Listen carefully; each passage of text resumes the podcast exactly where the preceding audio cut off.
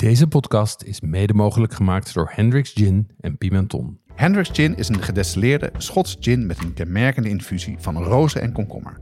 Probeer nu ook de fruitige variant Grand Cabaret. Pimenton is dé webshop voor foodies. Ze hebben meer dan duizend ingrediënten van over de hele wereld die ze snel en voordelig versturen vanuit België. Ook bij ons geldt geen 18, geen alcohol. Jonas, eh, bak jij wel eens wat lekkers? Taart of koekjes of zoiets? Nou, als ik heel eerlijk ben, eh, doe ik dat eigenlijk bijna nooit. Ik pak niet zoveel. En eh, als er bij ons thuis gebakken wordt, doet mijn vrouw Carolien dat meestal. Dus nee, nee, eigenlijk niet.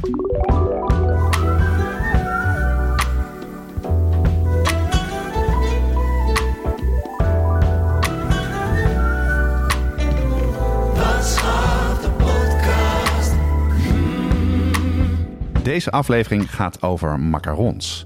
Eh, we gaan vertellen wat het is en eh, of het echt inderdaad zo moeilijk is om te maken. We gaan verschillende recepten behandelen en heel erg veel vullingen. En we zijn ook langs geweest bij Rutger Bakt en bij Patisserie Linnik om tips te vragen. Ja, dit onderwerp staat al een hele tijd bij ons op de lijst. Maar we hadden één probleem. Jonas bakt niet en ik ook eigenlijk liever niet. Dus we dachten, hoe gaan we dat oplossen? En toen kwam hulp uit onverwachte hoek.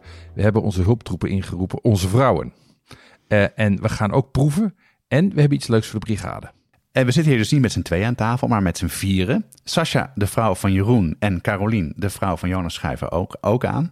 Ja, en uh, Sascha en Carolien krijgen natuurlijk normaal al heel veel mee van de podcast. Uh, for better or for worse.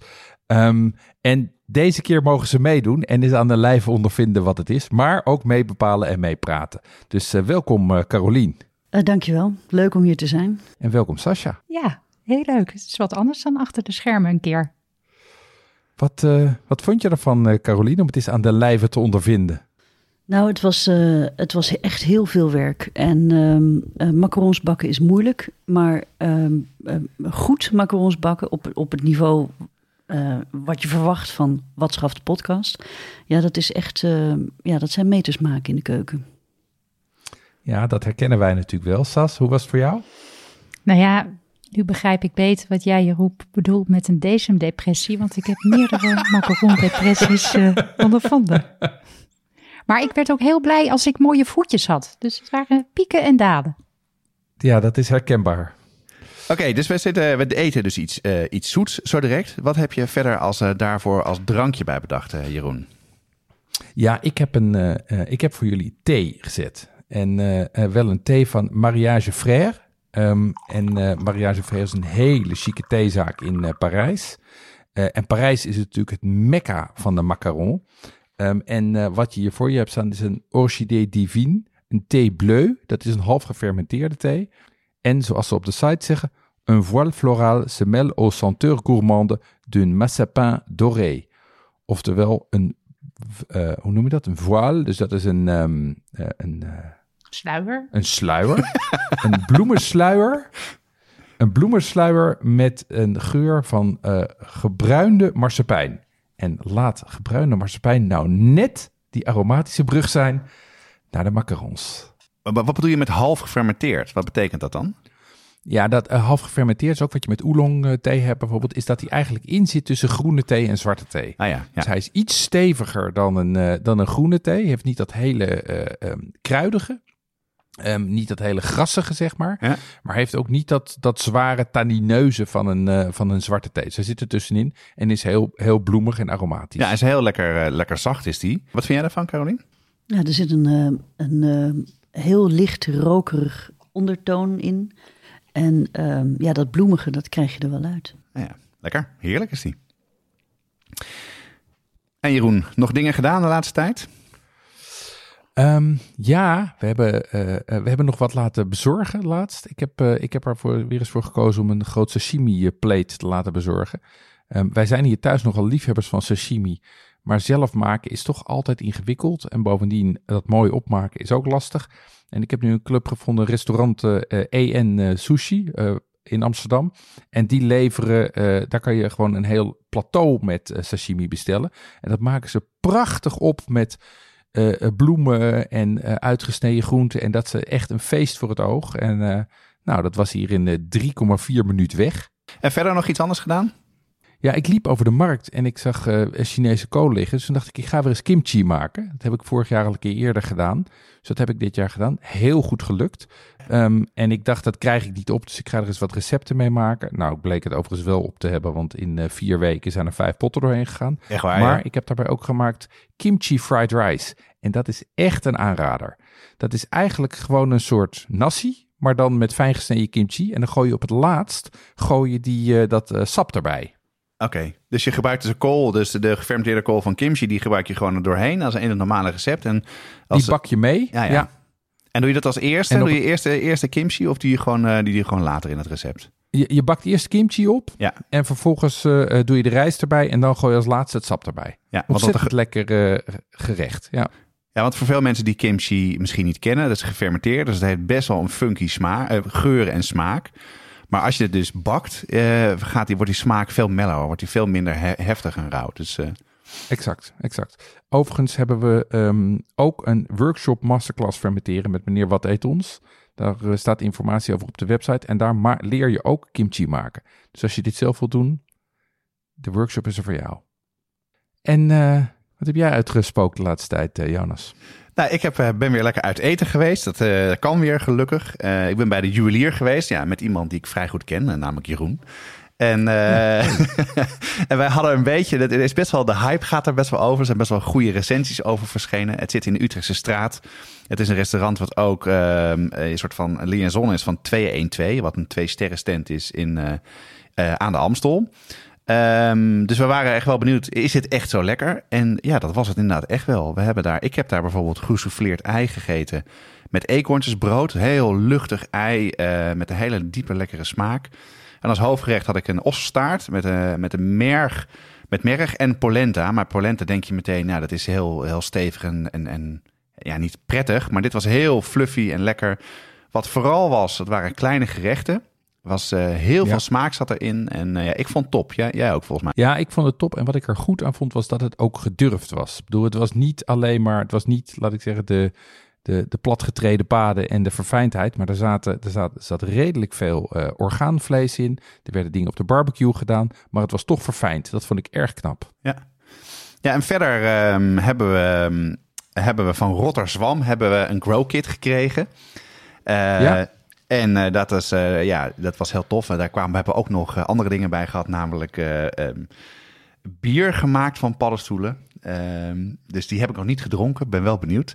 Maar dat was heel leuk. En dat is ja, een soort van, je moet even je voorstellen, een grote emmer, een soort van mayonaise emmer die donker is. Er zitten dan wat, wat tapejes overheen met twee gaatjes erin. Daar doe je dan een, um, ja, de, het, de sporen doorheen. En dat doe je, vul je dus met koffie. Net zoals jij eerder gedaan hebt. Nou, ik moet Ja. ik zeggen, ik zit helemaal te vertellen. Maar Carolien was degene die het meeste werk aan gedaan heeft. Want eh, vond je het leuk om te doen? Ja, ik vond het heel erg leuk. Ik ben gek op paddenstoelen om te eten en om te zoeken. En ehm, ja, je, je hebt gewoon je eigen paddenstoelenkwekerij op de koelkast, stond bij ons. En eh, ja, je gooit al je koffiegruis erbij en je ziet het gewoon groeien. Eerst, eerst het mycelium in die emmer. Ja, en dan op een gegeven moment barsten die eh oesterzwammen eruit. Want dit was een oesterzwammenkit. Ja. En dat hebben we lekker opgegeten. Ja, die waren wel heel. Dat was wel. Ze waren echt super vers en hard en lekker. En nu komt er nog een volgende versie. Ehm, dus wat het voordeel hiervan was, het was echt heel. Dat pakket was heel goed gedaan met hele duidelijke instructies. En ja, je hebt eigenlijk nog wel maar één keer eh, voor één maaltijd haal je dan paddenstoelen uit. Dus het is veel effort voor wat je krijgt. Maar het was wel heel leuk om, eh, om te doen. Ja, ja, oké. Ja, nee, dat herken ik. Want dat vond ik ook. Ik vond het wel heel veel werk voor een maaltje paddenstoelen. Zeker, maar eh, het is toch wel goed om te zien hoe dat in, het echt werkt. En dat, als je ook je neus erin stopt, het ruikt echt als, eh, als, als het bos. Dus dat vond ik wel heel tof. en Heel fascinerend. Ja, en het, is, en het is natuurlijk heel bevredigend om het, eh, om het gewoon om te zien dat het werkt, zeg maar. Ja. Zeker weten. Leuk. Tobanjan en tamarindepasta, Carnaroli rijst en de juiste tahini. yuzu sap en panko. Moeilijk te vinden, zelfs als je een goede speciaalzaak in de buurt hebt. Daarom zijn we heel blij met onze partner Pimenton.be, de webshop voor foodies en hobbycooks. Die bezorgen vanuit België in de hele Benelux voor maar 3,95 euro. Ga naar pimenton.be om te bestellen. En leden van de brigade krijgen 12% korting. Actuele kortingscode vind je onder andere in de nieuwsbrief. Ja, zoals gezegd, het werd hoog tijd om uh, weer eens iets aan patisserie te doen. Dus we dachten, we leggen de lat hoog en gaan direct voor de macarons. Jonas, misschien is het goed voor de mensen die ze niet kennen. Wat is dat eigenlijk voor een koekje? Ja, dat koekje is, dat is een koekje. Ja, je noemt eigenlijk, uh, dat noem je schelpen, ben ik nu achtergekomen. En uh, dat zie je vaak in hele chique patisseries liggen met heel veel kleuren. Um, is een, een koekje van amandelmeel en er zit een vulling tussen. En het is eigenlijk een soort van sandwich op elkaar gedrukt. Um, het heeft, wat het leuke daarvan is, is dat het dus ons, dat ziet er heel mooi uit. En het heeft heel erg veel verschillende soorten smaken en variaties. Wij bakken niet echt, dus daarom ben ik echt heel erg blij dat Caroline en Sascha mee hebben geholpen. En ik heb gezien hoeveel ze gedaan hebben. Dus daarom durf ik het aan om het hier wel over te hebben. We zijn er met, met de vieren volledig ingedoken. Dus uh, nou, ik ben heel benieuwd. Carolien, mag jij eerst even vertellen, was het uh, makkelijk om die koekjes te maken? Want ze zien er zo simpel uit. Nee, dat uh, is het zeker niet. nee, het is echt uh, verdraaid lastig. Macarons bakken is iets wat je echt moet leren. En dat leer je door dat er heel en heel en heel erg veel mislukt. Het begint al met dat, het feit dat je heel precies moet werken. Alles afwegen. Ja. je kan ook niet een shortcut nemen. En er zijn heel veel vari variabelen waarop het mis kan gaan. Hè? Dus de, bij het mengen, bij het wegen, bij het bakken, bij het spuiten. En um, ja, dat maakt het een verdraaid lastig koekje. Ja, we hebben dat meegekregen, Caroline. Ik heb jou natuurlijk heel veel zien bakken. En, en we hebben natuurlijk ook heel veel foto's van Sas gezien die we met elkaar gedeeld hebben. Maar Jeroen, verdien even goed om uit te leggen wat we gaan doen in deze aflevering. Nou, we lopen het hele, de bereiding even stap voor stap door. Daarbij delen we onze ervaringen, valkuilen en tips.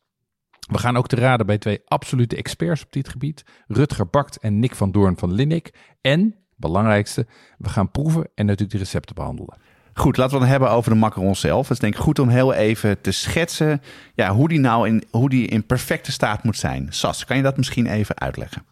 De macaron die ziet er natuurlijk in eerste instantie heel mooi uit. Hè? Je ziet ze vaak in winkels liggen met allemaal kleurtjes. En uh, die schelp die wekt allerlei verwachtingen op. Dus als je een hap neemt, moet die vooral aan de buitenkant heel hard zijn. Uh, en knapperig. Maar de binnenkant is zacht uh, en een beetje chewy. Macaron is zoet. Wat ik het lekkers vind, is dat de vulling dan niet ook nog eens heel zoet is. Ja. Maar dat dat in balans is. Oké, okay. en Lien, heb, Caroline, heb jij nog aanvullingen? Ja, de, het uiterlijk is heel belangrijk. Hè? Dus je moet een hele mooie gladde schelp hebben, uh, zonder barsten, zonder pukkeltjes. Um, de vulling moet stevig genoeg zijn, zodat hij er niet uitloopt. Um, en ja, ook niet te groot. Macarons mo moeten echt een bite-size zijn, zodat je niet een, het idee hebt dat je een hele sandwich naar binnen uh, werkt. Nee, het moet een heel chic klein hapje zijn met, uh, met lekker veel smaak, ja. Ja, zo ken ik hem ook. Ja, voor mij zijn die macarons, uh, ik heb ze eigenlijk pas al sinds een jaar of tien of zo zag ik ze, heb ik ze zien liggen op, uh, op luchthavens en als ik in, uh, in Cannes kwam voor mijn werk. Um, maar volgens mij bestaan ze al lang, hè? Je hebt daar naar gekeken, Jonas. Ja, ze bestaan echt super lang. Um, er zijn een aantal verschillende ja, theorieën. maar wat je het meeste leest, is dat, die, dat ze al in de 8e eeuw gemaakt werden in een klooster in, in Italië bij Venetië. Ze zijn beroemder geworden in de 16e eeuw. Toen is uh, de Catharine de Medici, de vrouw van Henry II, die heeft ze meegenomen vanuit Italië naar Frankrijk. Toen waren de koekjes nog, nog best wel grof. In de 17e eeuw is het veel uh, bekender geworden door eigenlijk twee nonnen in Nancy. En die zijn die koekjes gaan, gaan verkopen om, ja, om geld te verdienen. Dat waren nog steeds koekjes zonder vulling. En die vulling kwam eigenlijk pas in de 19e eeuw in La Durée. En dat is een, nog steeds een heel bekend macaronmerk en patisserie. Vooral in Parijs vind je het veel, maar door heel Frankrijk. En een van de chefs, Desfontaines, die bedacht op een gegeven moment van laten we die twee schelpjes, die twee koekjes op elkaar plakken en daar vulling tussen brengen. En dat is eigenlijk uh, hoe ze gekomen zijn zoals ze nu zijn. Ja, het is, uh, als ik het zo hoor, een heel Frans ding. Zo herinner ik ze me ook. En, en ook als je kijkt naar de grote namen die daar, uh, die daar bekend in zijn, is dat bovenaan staat denk ik Pierre Hermé. maar ook Fauchon en Carret zijn, zijn hele bekende um, macaronhuizen. Um, het zijn ook hele dure koekjes. Dat viel mij al op als ik dan als ik op de luchthaven liep en dacht ik neem zo'n leuk vrolijk doosje mee. En tot mijn schrik zag dat ik dan voor 12 uh, macarons uh, 50 euro mocht aftikken. Um, dus daar kosten ze inderdaad de euro 4 per stuk. Um, ze zijn ook, en dat is ook weer niet onverwacht dan, populair in Japan. maar daar maken ze ze met pindameel. eh, in plaats van met amandelmeel. Dat heeft denk ik te maken met beschikbaarheid daarvan. Um, uh, in de VS zie je dat ze hele wilde combinaties maken die ook weer cultureel inpassen. Uh, de, de mint chocolate chip bijvoorbeeld, uh, de peanut butter and jelly en peach and champagne. Um, en het grappige is dat ze ook in Zwitserland groot zijn. Alleen daar heten ze Luxemburgerlie.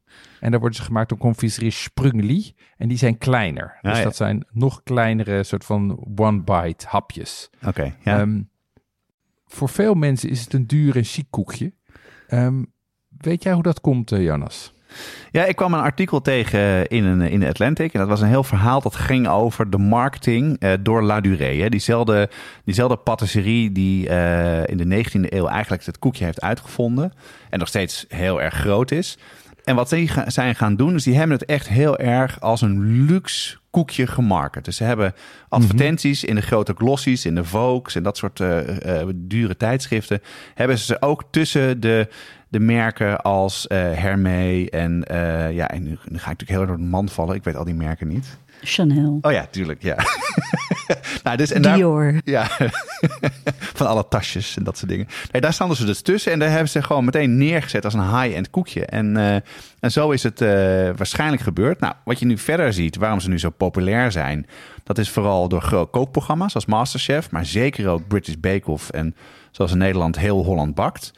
En wat ik wel, ook wel maf vind, en je, je had het net over, over vliegvelden waar die koekjes staan. Ja, je kan ze ook tegenwoordig kopen in de, de McCafé van McDonald's. En in de Albert Heijn en de Hema. En daar zijn de prijzen ineens heel anders. Dan hebben we niet meer over een soort van 4 euro per koekje. Maar dan koop je er 12 stuks voor 5 euro. Dus de vraag is, blijven ze zo chic? Uh, en de prijs kunstmatig hoog? Of uh, gaan we gewoon een normale koekje van maken? Ja, het doet, als ik dit zo beluister, doet het mij ook een beetje denken aan sushi. In de zin dat het heel verfijnd is en dat dus, laat ik zeggen, de bovenkant van de markt op hele subtiele nuances zit.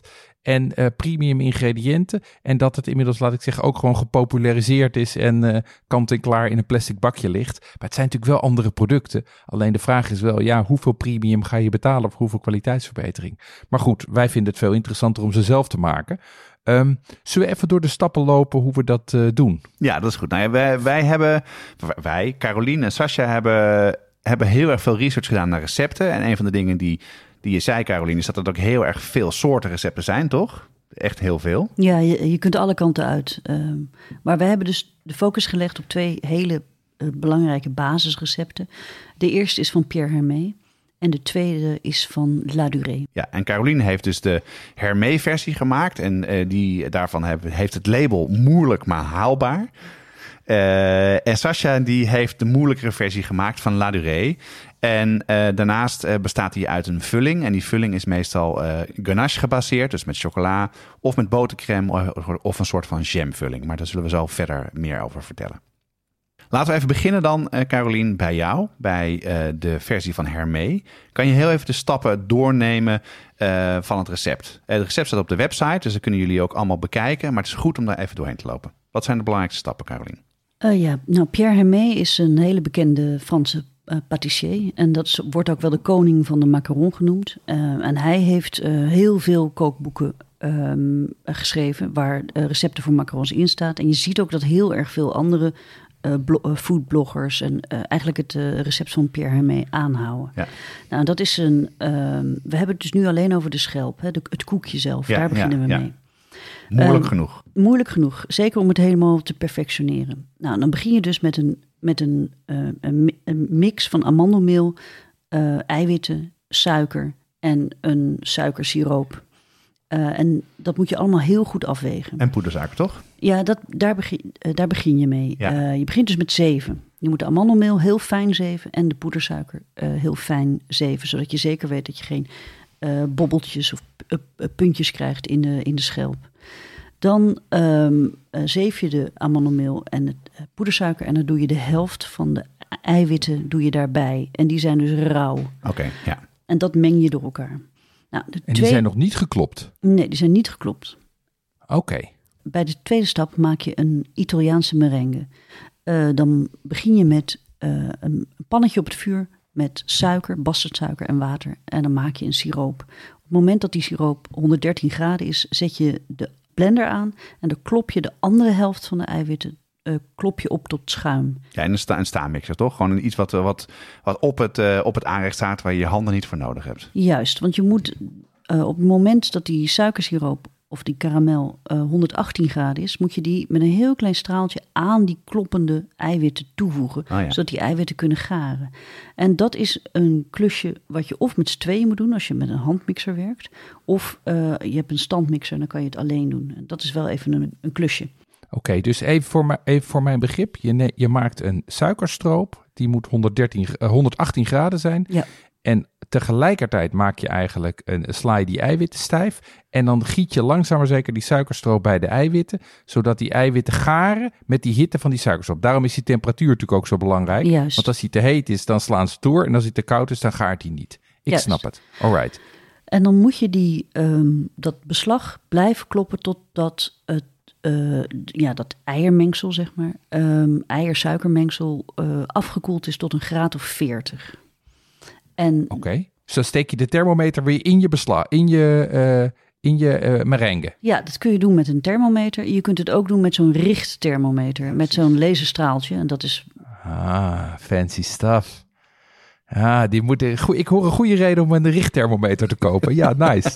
ja, die is echt heel handig. Want die kan je dus gewoon op een afstand erboven houden. En dan kan je dus ook goed kijken. Alright. Dus, dus, ik, dus ik, heb, ik heb staan die, die, dat mengsel van, uh, ei, van amandel en suiker en eiwit. Die drap, zeg maar. En daarnaast heb ik een handwarme Italiaanse merengue. Dus je hebt het eiwit met suiker. En je hebt het, ja, het beslag met het amandelmeel, poedersuiker en de rauwe eiwit. En die voeg je dus samen. En dat is je uh, schelpbeslag. Ja, en dan kom je bij de volgende stap, hè, de moeilijke stap, uh, Sascha. En dat is eigenlijk dat als je het gemengd hebt, moet je die rondjes gaan spuiten. Hoe, hoe, waar moet je op letten? Hoe doe je dat? Nou, je, uh, nadat je het gemengd hebt, dan uh, doe je het in een spuitzak. Het is heel belangrijk om wel ervoor te zorgen dat het spuitmondje er al in zit. Dat ben ik een keer vergeten, dat is heel vervelend.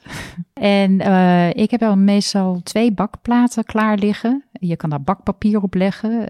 ik heb zo'n siliconenmat gekocht, waar de rondjes eigenlijk al van tevoren zijn opgedrukt. Hè? Ah, ja. Want je wil uiteindelijk rondjes van ongeveer 3,5 centimeter hebben, die dan ook nog eens 2 centimeter uit elkaar doet. Dus uh, wat je doet is je hebt die zak, uh, je haalt het lucht eruit en je moet hem loodrecht op het midden van zo'n rondje zetten en dan langzamerhand, uh, langzamerhand spuit je dus die rondjes. En dat kijkt een beetje nauw, soms gaan ze wat lopen, maar nou ja, dat, dat is, moet je gewoon heel veel oefenen. Ja, ja, want ik, had, wat ik heb er af en toe zitten meekijken. Je moet dus niet een rondje maken met je hand. Je moet je hand dus stil houden. En ik had ook begrepen dat het spuitmondje ongeveer 10 mm is. Dat dat een goede, goede grootte ja. is. Ja, klopt. Ja, en ik had eerst een grote gekocht van 12 uh, mm. Dat had ik in een recept gelezen. Nou, dat was helemaal geen succes. want ja, tegen de tijd ik bij het volgende rondje was, liep er alweer wat anders uit. Dus uh, 10 centimeter, uh, 10 mm is uh, de perfecte maat. Ja, en dus als je dan die op die platen hebt, hebt gespoten, dan doe je ze meteen in de oven, toch, Sas? Nee, zeker niet. Nee, dat had ik ook. Ik ben niet zo van de handleidingen lezen, dus dat had ik een keer gedaan. Maar dan krijg je dus geen voetjes. Je moet ze drogen. Maar voordat je ze laat drogen, moet je ook voor zorgen dat de, de, de puntjes die moeten weglopen. Dat, dat is een goed teken dat de macaronage goed is geweest. En wat je doet is met je hand sla je onderaan die bakplaat. Zodat er eventuele luchtbelletjes nog uit uh, gaan, dan wel dat ze zichtbaar worden. En die kan je dan met een cocktailprikker doorprikken.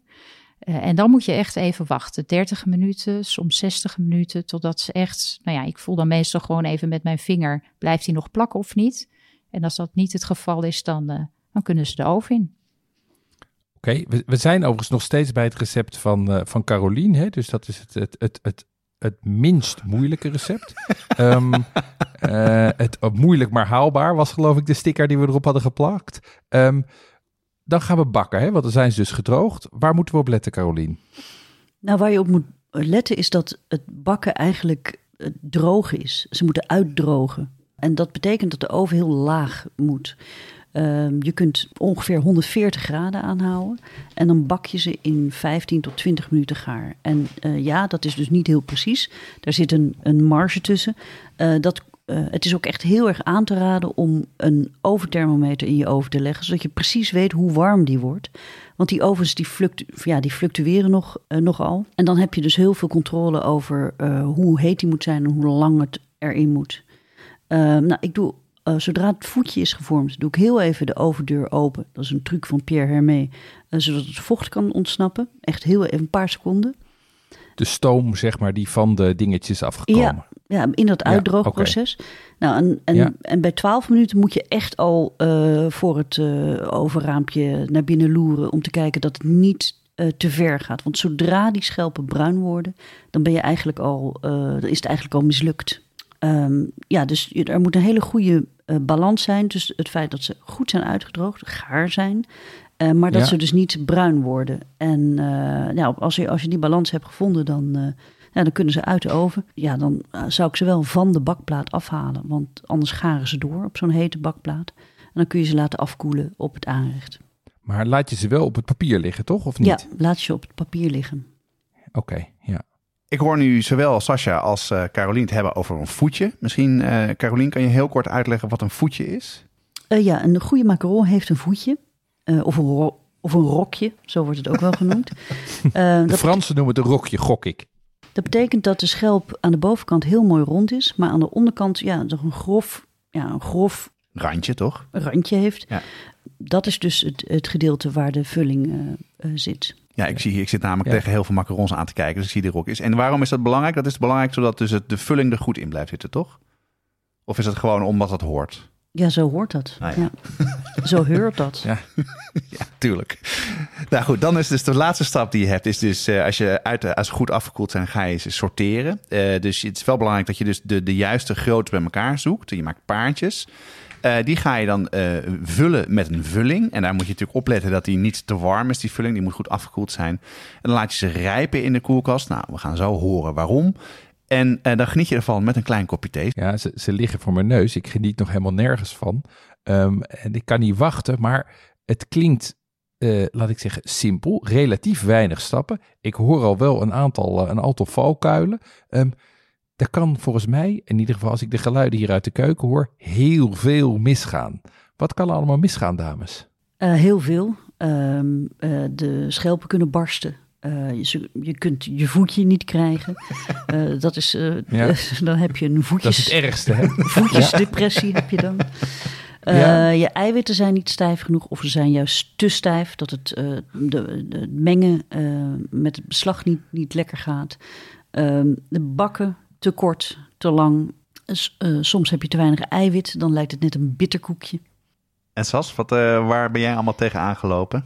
Ja, nou ja, ik had natuurlijk van die hele mooie kleurstoffen gekocht en uh, van die lichte kleurtjes. Maar nou ja, Caroline had het net over 12 minuten. Bij mij begonnen ze na 10 minuten al te kleuren. En uh, hè, dus bruine randen. Nu uh, heb je aan één kant in de oven dat ze bruin worden, vind ik niet erg. Maar als het overal bruin wordt, dan denk je van ja, als je ze nu uithaalt, zijn ze weer rauw van binnen. Dus dat kan ook niet. En verder, wat ik wel ja, heel belangrijk vind, is dat je die eieren gewoon moet wegen. Eiwit, als je, je moet dit absoluut niet, het wegen moet je niet op gevoel doen. Alleen, ja, bij, uh, dan moet je dus ook een hele nauwkeurige weegschaal hebben die exact de hoeveelheden weegt. En, dat, en ik had heel vaak het gevoel, dat ik, ja, maar nu heb ik het toch goed wat kan er nu nou zijn misgegaan? Ja, soms weet je gewoon niet waarom het misgaat. Ja, bij ons, ging, bij ons ging het dus mis dat de weegschalen kapot gingen, kan ik je vertellen. Dus dat was even heel in paniek snel nieuwe dingen bestellen. En verder? Nou, ik ben binnenkort jarig, dus ik, uh, ik heb nu al twee eh, items die ik graag wil hebben. Een weegschaal en een thermometer op afstand. Nog andere dingen waar je tegenaan bent gelopen? Ja, ik heb ook, uh, nou ja, een keer was de, ik had het verteld over die spuitmondjes, maar ik had ook een keer die uh, rondjes te dicht bij elkaar gespoten. Dus toen werd het eigenlijk zo'n, werd het meer een rij dan dat het individuele macarons uh, werden. Een hele grote macaron, ja. vierkant, ja. en dat was niet fijn? Uh, dit, geloof me, nee, ik ben dan niet blij. We zijn heel erg blij dat Caroline en Sascha zo'n enorme uh, research gedaan hebben en zoveel gebakt hebben. Maar we zijn ook langs geweest bij een aantal experts. Zo zijn we bij, uh, uh, zijn Caroline en ik op bezoek geweest bij Rutger van den Broek.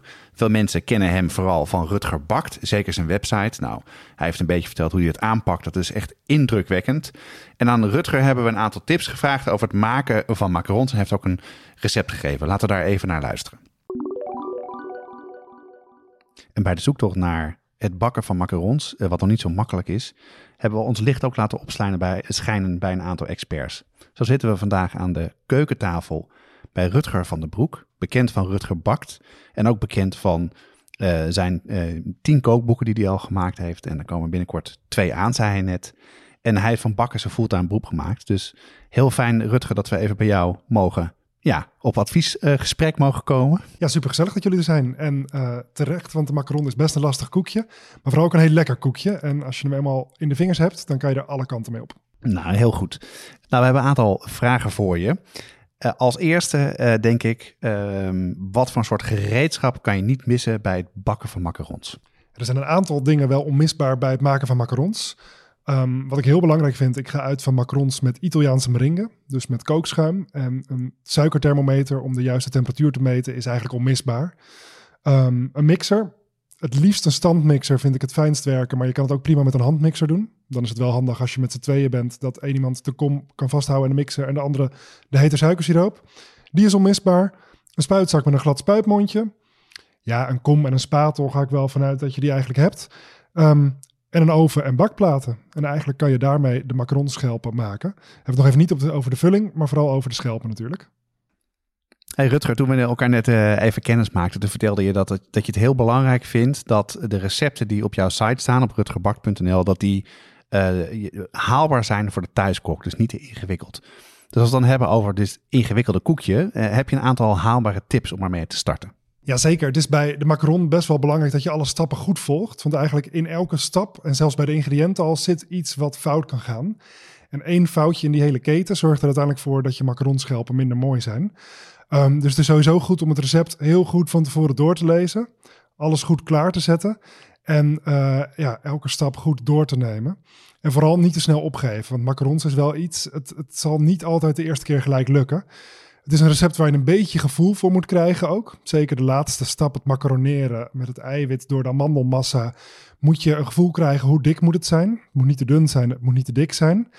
Um, en het is ook heel belangrijk dat je je oven leert kennen. Want uh, die is voor macarons ook heel belangrijk. En in sommige ovens kun je ze prima op 150 graden bakken.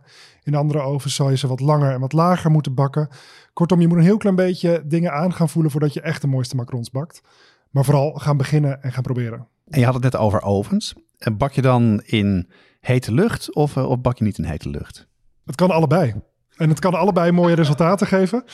Um, ik ben ooit begonnen bij mijn ouders thuis om macarons te bakken. En daar moesten ze op onder- en bovenwarmte. Dat werden echt de allermooiste macarons. Nu heb ik inmiddels een andere oven. En nu ben ik langzaam toch meer naar de hete lucht. Want dan worden ze ook heel mooi. Maar het kan allebei. Dus er is geen goed of fout. Je moet er alleen rekening mee houden dat als je met onder- en bovenwarmte bakt, dan moet je bakplaat precies in het midden van de oven. En dan kan er maar één bakplaat in de oven. Op het moment dat je hete lucht doet, kan je meerdere bakplaten boven elkaar doen. En als je het um, de macarons gaat, uh, gaat spuiten, gebruik je dan, uh, doe je vooral bakpapier of doe je het op siliconen mat? Daar ga ik weer een heel flauw antwoord geven. Het kan allebei. Maar er zijn wel bij allebei dingen waar je op moet letten. En zeker bij siliconen matjes. Um, die heb je vaak ook met van die voorgedrukte rondjes erop. Zeker als je net begint met macarons bakken is het heel makkelijk, want dan weet je hoe groot je ze moet spuiten. Maar siliconen matjes kunnen ook de warmte isoleren. En het duurt langer voordat die onderkant van de macaron genoeg warmte krijgt en goed gaar wordt. Dus als je een macaronmatje van siliconen gebruikt, moeten die macaronschelpen iets langer bakken dan op bakpapier. Op bakpapier kan je zelf rondjes tekenen. Of je kan een stuk karton gebruiken waar je rondjes op hebt getekend, waar je het bakpapier weer oplegt. Het kan beide. Nou, ik doe net of ik hier heel veel verstand van heb. Maar uh, naast me zit Carolien. En die heeft vooral al het werk gedaan uh, van het bakken van macarons. Carolien, wat wilde je daarover vragen? Ja, ik ben heel erg benieuwd, uh, Rutger, hoe jij omgaat met vullingen. Want daar haal je vooral je smaak uit. En uh, los van het feit dat het schelpje ingewikkeld bakken is, is die vulling eigenlijk a whole different ballgame. Uh, kun jij iets uh, vertellen over de, waar je macarons mee vult? Ja, want als je die macaronschelpen eenmaal hebt, dan begint het eigenlijk pas. Want dan moeten ze nog gevuld worden natuurlijk. En door de vulling krijgen ze inderdaad smaak. En die vullingen kun je eigenlijk in drie groepen onderverdelen. Je hebt de ganaches, dus op basis van chocolade. Je hebt de crèmes, en dat is vaak botercrème. En je hebt dan nog jam, gelei, curd. Dat is een beetje de, de andere categorie. Um, om gelijk met die laatste te beginnen. Vooral jam en gelei, die zijn vaak best wel heel erg vochtig. Um, en daar ben ik zelf iets minder fan van, omdat die heel snel zorgen dat je macaronschelpen uh, nat worden. Uh, je kan macarons gevuld met jam ook veel minder lang bewaren, omdat ze gewoon veel sneller echt soggy worden, waardoor ze niet meer zo lekker zijn. Dus ik kies zelf graag voor of een ganache of een botercrème. En welke van de twee, dat hangt heel erg af van welke smaak ik wil en welke beleving ik wil geven. Want zowel botercrème als ganache kun je smaak heel mooi in verwerken. Maar sommige smaken lenen zich net iets mooier voor een crème en sommige lenen zich net iets mooier voor een ganache. Kun je daar voorbeelden van geven? Ik vind bijvoorbeeld als je uh, pistache macaron, uh, vind ik heel lekker zelf met witte chocolade. Die combinatie krijg je een hele lekkere zachte pistachevulling. Um, ik vind dat je daar een chocolade ganache moet nemen eigenlijk. Rood fruit, dat is een twijfelgeval, want dat kan eigenlijk met meerdere dingen. Je zou een rood fruitvulling kunnen maken op basis van witte chocolade ganache. Je kan een rood fruitvulling maken op basis van uh, pure of melkchocolade ganache. Bijvoorbeeld met frambozen is dat heel lekker. Maar ik vind het ook heel lekker om uh, rood fruit in te koken, klein beetje citroensap erbij en dan bij een botercrème te doen. Dan heb je die volle romige crème met dat frisse van het rood fruit. En dat dan weer met het contrast van die schelp, dat levert echt een waanzinnig mooi geheel op. Als we het dan over botercrème hebben, nou, daar kan je heel veel kanten mee op. Um, welke botercrème, welke tips heb jij voor botercrème? Welke gebruik jij het liefst voor macarons? Ja, er zijn natuurlijk heel veel soorten botercrème. En de ene is heel geschikt om een taart mee te vullen of om af te smeren. Voor uh, botercrème als vulling in macarons en eigenlijk ook voor koekjes uh, gebruik ik altijd een botercrème op basis van pat à bombe. En dat is mijn beste Frans. Uh, dat is eigenlijk een, uh, een botercrème. Uh, voor de macarons maak je Italiaanse meringue. Dus doe je eiwit met een kokende suikersiroop. En een patabomb is eigenlijk eieren en of eidooiers. Die je ook gaart met een hete suikersiroop. Die klop je dan koud, of in elk geval lauw. En dan klop je de boter erdoor en de smaakstof. En omdat je voor macarons voor één recept heb je niet heel veel nodig. Dus ik ga uit van één ei. Die klop je dan luchtig op. Daar gaat die suikersiroop bij, die heet is. Die gaart het ei als het ware. Dan klop je hem koud en dan klop je de boter erdoor. En dan heb je een, een vrij stevige crème. Hij is wat steviger dan botercrème bijvoorbeeld op basis van Italiaanse meringue. Maar die is wel perfect als vulling voor een macaron. Nou krijgen we van jou een uh, recept. Uh, dat is voor een framboze macaron. Kun je iets vertellen over het recept en een paar tips geven? Jazeker. Ja, die vulling, die frambozenvulling is dus op basis van de botercrème met patabon, wat ik net vertelde. Um, wat belangrijk is, is dat je uh, dat ei ga je met die hete suikersiroop ga je kloppen. En die wil je goed koud kloppen, of in elk geval tot 25 graden ongeveer, voordat je de boter eraan toevoegt. Um, als je dat te warm doet, dan smelt de boter en dan verliest die boter zijn mooie romige textuur. Um, zorg er wel voor dat de boter op kamertemperatuur is. Want als die te koud is, dan gaat die weer niet mooi mengen, gaat die schiften. Mocht je crème nou gaan schiften, eigenlijk bij alle crèmes beslagen die schiften. Er is één wapen wat je altijd in de keuken moet hebben en dat is de haarfeun. Uh, die, ligt nooit, die ligt nooit in de badkamer, maar die ligt in de keuken. Um, en dan doe je gewoon op de kom, als je een metalen kom hebt of als je een plastic kom hebt erin, feun je en dan wordt die warmer en dan zie je dat het al kloppend gaat het uit de schrift, heb je een prachtig gladde crème. En dan voeg je de frambozen toe. Die heb ik in dit geval heel kort ingekookt met wat citroensap. Geeft ook extra lekkere frisse smaak. En ik heb hem gesaved, want ik vind het niet lekker in mijn frambozenmacarons om pitjes te hebben. Die voeg je er ook aan toe. Daar eigenlijk weer hetzelfde. Als die frambozenmassa te koud is, kan die crème weer in de schrift gaan. Pak je je haarfeun er weer bij, kloppend, en dan heb je een prachtige vulling. Um, ja, en dan het vullen van de macarons. Het blijft handwerk, zeker als je ze thuis opspuit. Dus ik vind het altijd fijn om uh, gelijke maten en groottes naast elkaar te leggen voordat ik ga vullen. Zodat je weet dat alle macaronhelften mooi op elkaar passen. Mooie dot erop. De twee macaronschelpen druk je tegen elkaar. En het lekkerst zijn ze dan toch als je ze 24 uur of in elk geval nacht in de koelkast laat rusten. Um, die crème die smelt als het ware dan samen met die twee macaronschelpen. En ze vormen dan echt één geheel. En dan zou ik hem voor het serveren, zou ik hem wel een klein half uurtje van tevoren eruit halen. Dat hij weer net wat meer op kamertemperatuur is. Dan heb je gewoon de perfecte frambozenmacaron. Ik heb deze gemaakt tijdens heel land bakt. En Jannie zei dat ik daarmee een plekje kreeg in de macaronhemel. Dus dat uh, belooft dat. Dit recept is natuurlijk een heel goed recept om mee te starten. Um, als je nou eenmaal dat macaronspel heel goed in de vingers hebt, hè, wat kun je dan doen om net even dat niveau qua smaak wat hoger te brengen, wat spannender te maken? Het leuke van macarons is, je kunt er echt eindeloos mee variëren. En dit is inderdaad echt een basisvulling. Um, maar je kan zowel met de schelpen als met de vullingen kan je gaan experimenteren. Je kan extra ingrediënten door de schelpen gaan doen. Moet je wel aan hele strenge regels houden. Maar je kan, uh, nou voor een rijke vanillemacaron kan je al vanillemerg er doorheen doen. Je kan een gedeelte van de amandelpoeder en van de poedersuiker vervangen door cacaopoeder voor chocolademacarons. Je kan op de schelpen dingetjes gaan doen. La heeft bijvoorbeeld één macaron en daar heeft hij heel dun nog fijne suiker op gestrooid. En dan heb je aan de buitenkant zo'n hele lekkere crunch erop. Maar je kan ook stukjes cookie-kruimels, uh, sprinkles, en je kan alle kanten op. En met die vulling kan je ook eindeloos variëren. Dus je kan ook meerdere vullingen combineren. Dus een combinatie van crème met misschien iets gelei-achtigs in het midden. Um, ja, je kan alle kanten op. En vooral de smaken gebruiken die jij lekker vindt. Je kan ze hartig gaan maken. Uh, voor hartige macarons worden wel dezelfde schelpen gebruikt, maar de vulling is dan hartig. Dus je kan je voorstellen als je dan een vulling maakt met blauwe kaas en een vleugje uh, honing en misschien wat walnoten door de uh, schelpen doet, dat je dan weer een hele andere macaron krijgt die ook heel lekker is. Dus je kan gewoon eindeloos variëren. Maar eerst de basis onder de vingers krijgen. Nou, dat klinkt heel goed. Heb je nog even een laatste tip voor mensen die hier weer aan willen beginnen? Um, samen met Delicious hebben we een hele leuke e-cursus ontwikkeld. Uh, macarons maken. En daar laat ik alles stap voor stap zien. En die kun je vanaf 23 februari bij de Delicious Academy kun je die volgen. En ik weet zeker als je die gevolgd hebt dat je echt de allermooiste macarons bakt. Nou Rutger, ontzettend bedankt voor je gastvrijheid. Voor al je tips en het lekkere recept. En uh, dankjewel. Graag gedaan, hartstikke leuk. Ik heb uh, het recept van Rutger Bakt uh, gemaakt, uh, dus dat kunnen we nu ook gaan proeven. Eindelijk. Um, en er zijn twee versies van de roze macaron. de eerste heeft een, dat is het recept van Rutger. Die staat ook voor de luisteraars op de site om na te maken. En dat is een frambozen macaron met botercrème. Dat is deze, hè? zonder de stippeltjes. Met de lichte vulling. Ja. Met de lichte vulling, ja. Bijna dezelfde kleur als de schelp. Lekker, Lien. Mm. Ik heb dus uh, twee versies uh, van het uh, recept. het recept van Rutger zelf is met botercrème. Daar voegt hij een puree aan toe van verse frambozen. Die zijn ingekookt. Mm -hmm. Met geleisuiker. Um, ik heb er een hek op gemaakt. En dat is dus de roze macaron met de donker... Um... Vulling? Ja, Caroline geeft een, een andere macaron aan. En deze schelpen, en deze schelpen heb je zelf gebakken? Dat is de Pierre Hermé. Uh... Wat, vind je, wat vind je ervan, jongens? Ze zien er echt... Ja, prachtig. Nou, ik vind ze, Caroline, ze zien er echt prachtig uit. Ze zien er prachtig uit. Ze, kwamen, ze, ze zaten in een doosje met, uh, met macarons uit de winkel. Ik zag het verschil niet. Nou. Kijk eens aan. Die veer kan ik ook in mijn kont steken. Um, dit is dus de hek met de donkerroze uh, vulling. En dat is ook de botercrème van Rutger Bakt. Maar daar zitten dus geen verse frambozen uh, doorheen. Maar gevriesdroogde frambozen die ik heb ja, uh, gemalen en gezeefd.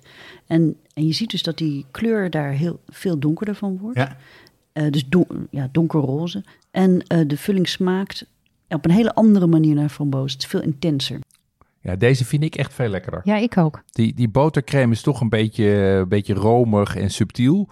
En dit is, uh, zoals we eerder zeiden, vol op het orgel. Dit is gewoon uh, een dikke hap frambozen. En je proeft wel dat verse frambozen zijn. Dus geen frambozen essence of zo. Ik vind dat heel lekker. En ik hou van die balans van die zoetigheid van die buitenkant en dan een beetje dat rinsen van de binnenkant. Dat hoeft voor mij allemaal niet te, al te romig, ben ik niet zo van. Ik vind deze erg lekker. Ja, ik ook. vind het heerlijk. Ik vind deze echt lekkerder dan de eerste. Oké, okay. goed. Als we dachten dat dit mm. nog niet ingewikkeld genoeg was, heeft Sascha een ander recept ge gebruikt. Um, laten we dat even het ingewikkelde recept noemen. Uh, Sascha, waarom is dat zo ingewikkeld? Um, nou, allereerst, um, ik wilde dit doen, want ik ben met onze dochter naar La Durée geweest in Parijs. En Ja. ik dacht, nou, ik koop zo'n leuk boekje. Het zal me lukken. Vandaar dat... eh, Famous last word. ja. Ehm, het verschil met Italiaans is dat je, nou ja, je hebt natuurlijk wel ook het amandelmeel en de poedersuiker. Die, die doe je bij elkaar, die zeef je, het is allemaal hetzelfde. Maar bij de, het recept van Hermé, daar gooi je eigenlijk al wat rauwe eiwit bij, zodat dat met elkaar kan reageren. Je deelt dat eiwit door het midden. Hier ehm, heb je de eiwitten die je rauw klopt. En het eh, meel en poedersuiker deel, dat hou je apart. Dus waar het op neerkomt is dat je dit, het heel lastig is wanneer is je eiwit nou wel of niet stijf. Ja. Ik, heb dat, ik heb natuurlijk ook geprobeerd het Italiaanse recept eh, te maken. Maar bij het Franse recept is het veel lastiger om goed te zien wanneer is het eiwit stijf genoeg. Maar eigenlijk, als ik het zo hoor, is het in stappen is het simpeler. Want je hoeft niet die Italiaanse merengue te maken. Nee, je hebt geen thermometer nodig. Maar het is lastiger omdat het veel meer op gevoel aankomt. Je hebt Ja. minder safeguards, zeg maar. Ja, Oké, Ja. interessant. Het zijn dus dezelfde in- eh, ingrediënten met andere verhoudingen. De bereiding is anders, maar eigenlijk is de uitkomst hetzelfde, zou ongeveer hetzelfde moeten zijn. zou het moeten zijn. Maar ook in de hoeveelheden en hoe je het mengt door elkaar. Het, het, het is, ja, ik krijg gewoon veel minder controle op. Oké, dus wat de meeste mensen wel weten die met eiwit werken en een kom, dat je die kom groen- goed moet ontvetten. Dus dat moet je echt niet vergeten. Maar wat eh, je overal tegenkomt, Sascha, is de term macaronage. En dat dat, dat, dat zo ontzettend belangrijk is eh, met ma- macarons maken. Kan je vertellen wat dat is? Nou, de macaronage is dat je, ehm, wat je eigenlijk doet, is dat je de luchtbellen die je eerder in het eiwit hebt geklopt, dat je die er langzamerhand uitspatelt. En de kunst is dat je dat op, heel voorzichtig doet, dat je hem niet overmengt, maar ook niet te weinig mengt. En dat, en dat komt dus neer op gevoel. Hè? Op YouTube, ik heb ook nog allerlei filmpjes bekeken van ja, wat is nou de consistentie die je wil? En bij dat Franse recept, ja, eh, je mengt eh, het amandelpoeder, poedersuiker erin deden doorheen. En dan blijf je eh, roeren, maar dan nog lukt het me soms niet om het de juiste consistentie te krijgen. En wat de, ja, als je het eh, niet lang genoeg mixt, dan krijg je dus geen gladde bovenkanten. Eh, maar dan krijg je van die kleine pukkeltjes. En als je te lang mixt, dan heb je het risico dat als je ze bakt, dat ze hol van binnen worden. Oké. En dat is dus een heel moeilijk verschil. Hè? Wat, wat je eigenlijk moet krijgen is een soort honing, eh, ja, een honingconsistentie, waarin het meel wel of het deeg van de spatel afloopt. Ja? Eh, en ze zeggen ongeveer, ja, dat moet zich dan in 10 seconden weer oplossen in het, of in het eh, mengsel zelf. Ja, dat ja. Is, maar ja, dat komt toch gewoon heel erg neer op gevoel. Ja, het deed mij wel een beetje denken aan het kneden van, van brooddeeg. Het zit hem ook heel erg in. Eigenlijk, eigenlijk weet je pas wanneer het goed is als je het voelt. En je voelt het pas als je het vaak gedaan hebt. En net te weinig, net te veel maakt het verschil. En zeker in het begin, dat is ook eigenlijk niet iets wat je van een videootje kan halen. Je moet het gewoon voelen aan de lijf ondervinden. Hè? Ja, ja. Ja. Ehm Caroline had het net over de oventemperatuur meten. Ik weet dat jij daar heel veel problemen mee hebt gehad. Ehm, wat waren die? Klopt, ja. Ik heb, eh, eh, ik heb verteld over de eh, bruine macarons na 10 minuten. Dus ik dacht, ja, ik ga toch eens even die oven meten. Dus ik heb daar 20 minuten voor de oven gestaan. en Met, eh, gekeken naar de oventhermometer. En toen zag ik dat de temperatuur gewoon 20 graden schommelde. Echt waar? Eh, dus het zakte naar beneden soms. En wat er dan gebeurt, is dan gaat hij opwarmen en dan komt er dus stralingswarmte. Nou ja, dat maakt dat die macarons dus eh, donker kleuren. Dus je, hebt- je hebt een, een, een oven met hete lucht. En dan, eh, doordat hij dan zo schommelt, gaat hij ineens anders, eh, zich anders gedragen. Klopt. Ehm, ja, want in alle ovens heb je natuurlijk wel dat die achterin misschien wat bruiner wordt dan de rest. Eh, maar ik vond dit zo typisch dat ik dus, nou ja, wat ik heb gedaan, dus ik heb de temperatuur wat lager gezet. Alleen dan heb je vaak dat je zo lang moet, dat ze zo lang in de oven moeten, omdat ze anders niet droog eh, genoeg van binnen worden. Oké. Wat ik op een gegeven moment was ik heel blij mee. Ik dacht van nou, dan ga ik hem 10 minuten op 140 graden bakken. Heb ik de oven uitgedaan. Heb ik ze nog 10 minuten gegeven en toen kwamen ze er perfect uit. Dus Oh, wat dat cool. was mijn hack. Nou ja, Ja, cool zeg. Ja, en weet je wat heel handig is, Jeroen, om dit te meten? Een, eh, een, een thermometer van laser. De onder, wat, hier natuurlijk, wat, onze, wat onze geheime agenda hierbij is, eh, Jonas, is natuurlijk dat wij nu in ieder geval drie nieuwe dingen kunnen aanschaffen. Een nieuwe weegschaal, een nieuwe thermometer en een nieuwe oven. Dus dat is in ieder geval gelukt. Ehm, het leuke van de macarons is dat er veel smaken zijn. Die komen grofweg in drie eh, groepen. Eh, de ganache, de jam en de botercrème. Jij hebt alle varianten gemaakt, Sas. Hoe zit dat precies? Ehm, nou die vulling, het is belangrijk dat die vulling dus eh, stevig is. Dus niet te nat, want dan wordt de macarons te nat. Uh, en ook omdat het anders niet, ja, niet lekker uh, eet. Je maakt het van tevoren zodat het in de schelp trekt. Want anders ja, dan heb je alleen maar die, dat, dat krokante gevoel. Maar als het te nat wordt, dan wordt het mushy. En, en wat je eigenlijk bij alle vullingen ziet, is je hebt natuurlijk de smaakmaker en je hebt een bindmiddel. En dat bindmiddel kan of een ganache zijn, of een botercrème, of veel meer een, een gelei, dus gemaakt met pectine. Caroline, jij hebt botercrème gemaakt, hè? En uh, kan je vertellen uh, wat botercrème is? Nou, dat was uh, ook een rabbit hole waar ik in ben gedonderd. Uh, en hard ook, want uh, botercrème, ja, dat, je hebt zo ontzettend veel verschillende soorten. Je hebt Amerikaans botercrème, dat is alleen maar boter en poedersuiker. Je hebt Duits en Russisch botercrème, dat is met uh, banketbakkersroom of gele room of met gecondenseerde melk zelfs. Dan heb je botercrème op basis van merengue, ja, dat heb je Zwitsers, dat heb je Italiaans. Um, en je hebt um, Franse botercrème waar heel erg veel ei, opgeklopt ei in gaat. Nou, dus ik heb uh, heel veel verschillende soorten gemaakt. Um, en uiteindelijk kwam het antwoord, het verlossende woord, eigenlijk bij uh, Rutger van den Broek vandaan. Die ook uh, heeft aangeraden om te werken met een pâte à bombe, zoals ja. dat heet. En dat is een, Franse botercrème waar je eieren opklopt.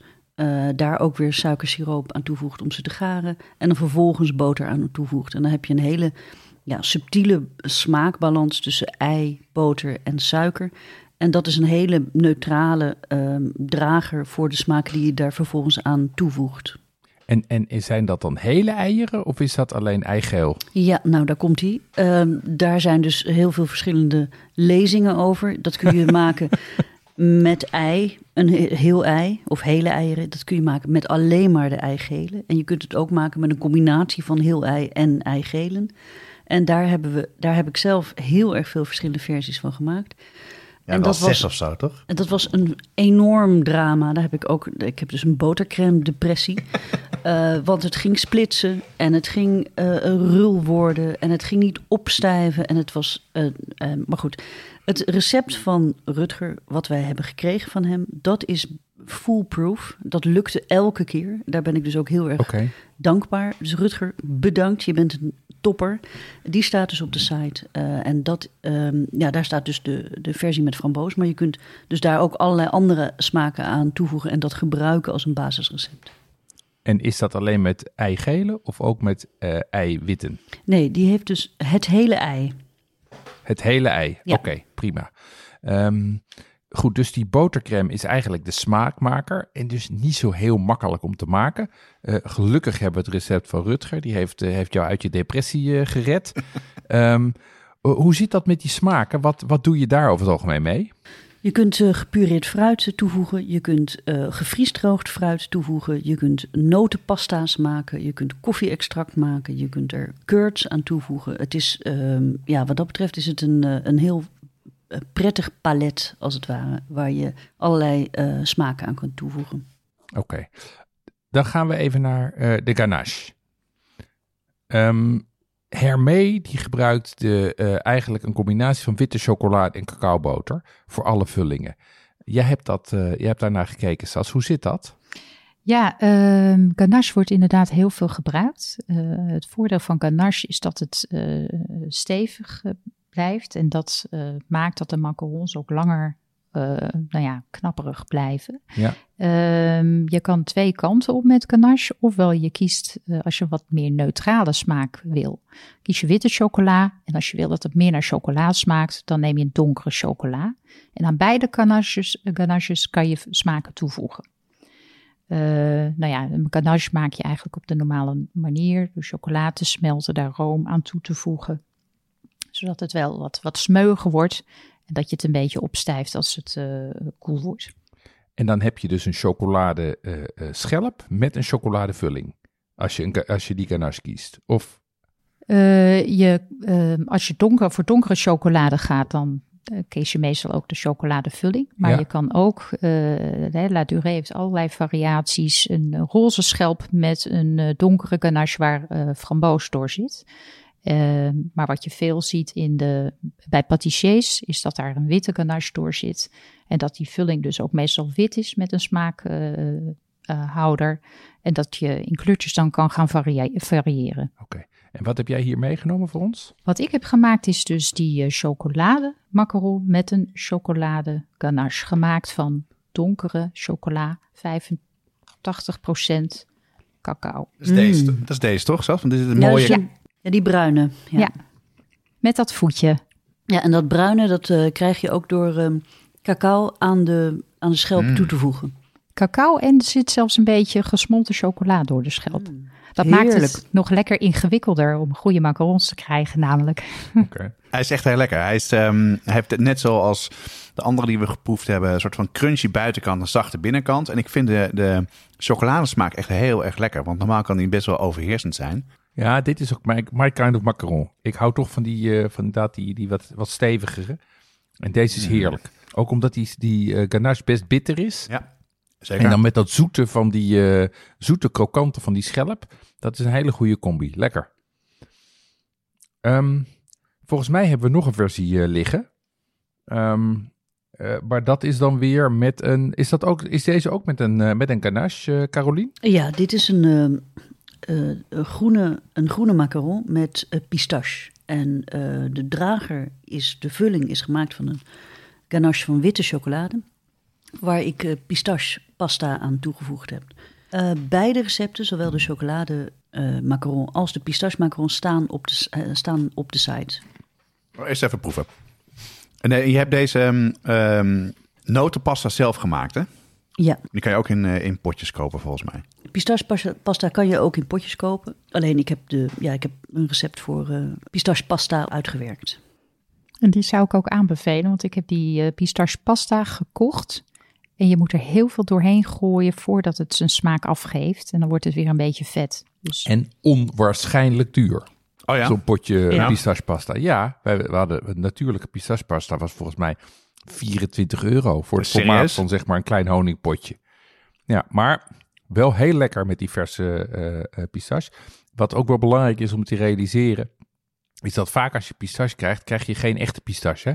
Krijg je pistache aroma. En dit is wel echte pistache, dat is veel subtieler. Maar super lekker. En wat ik ook lekker vind, is dat er nog kleine stukjes pistache in zitten. Dus naast de crunch van die schelp heb je ook in de vulling nog een beetje eh, zitten. En terwijl ik geen witte pistache, lief- eh, witte chocoladeliefhebber heb, vind ik het hier goed werken in die eh eh macaron. Super lekker.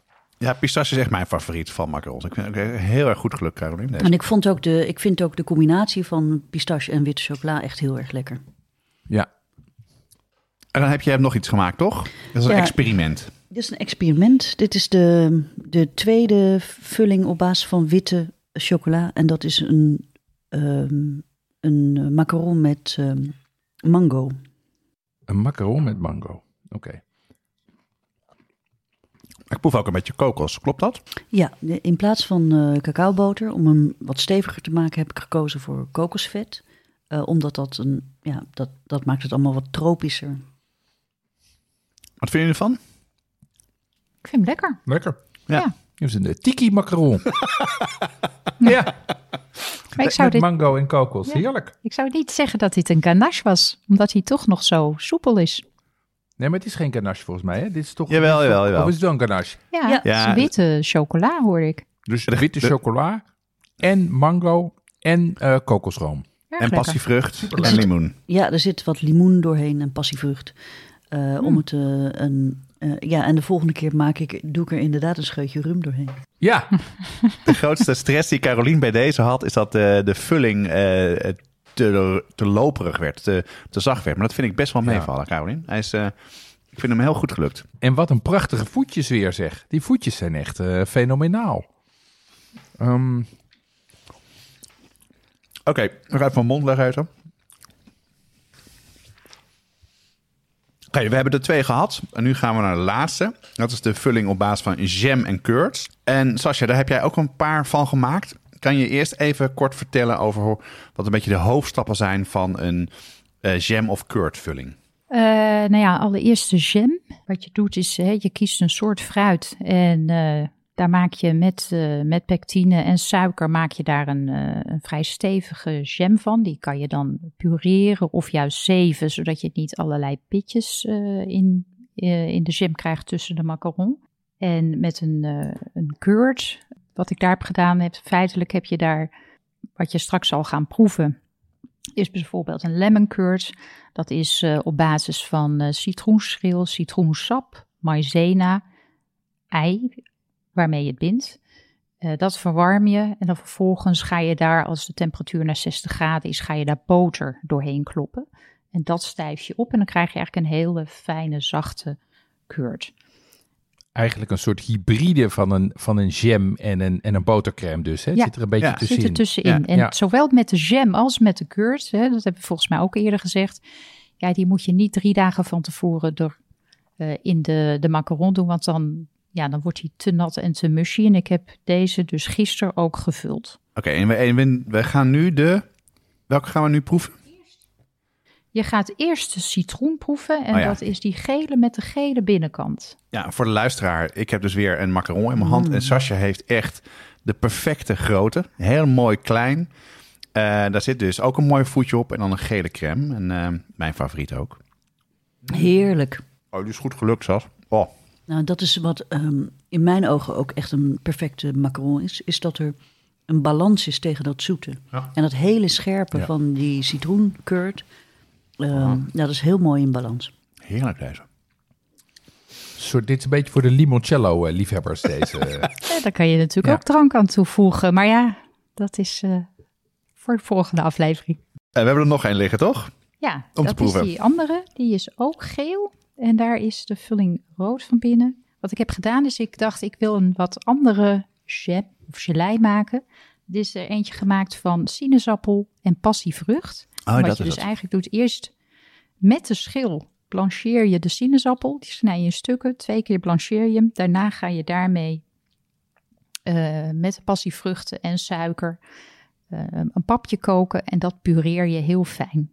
En deze is, dat kan Duré zo mooi zeggen in het boekje. Deze eh, macaronvulling is geboren in 2010.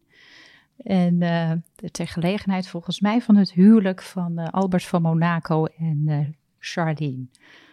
ja, en deze is in tegenstelling tot La Durée zegt gemaakt met de bloedsinezappel. Vandaar dat hij ook zo'n mooie, diepe, rode smaak heeft.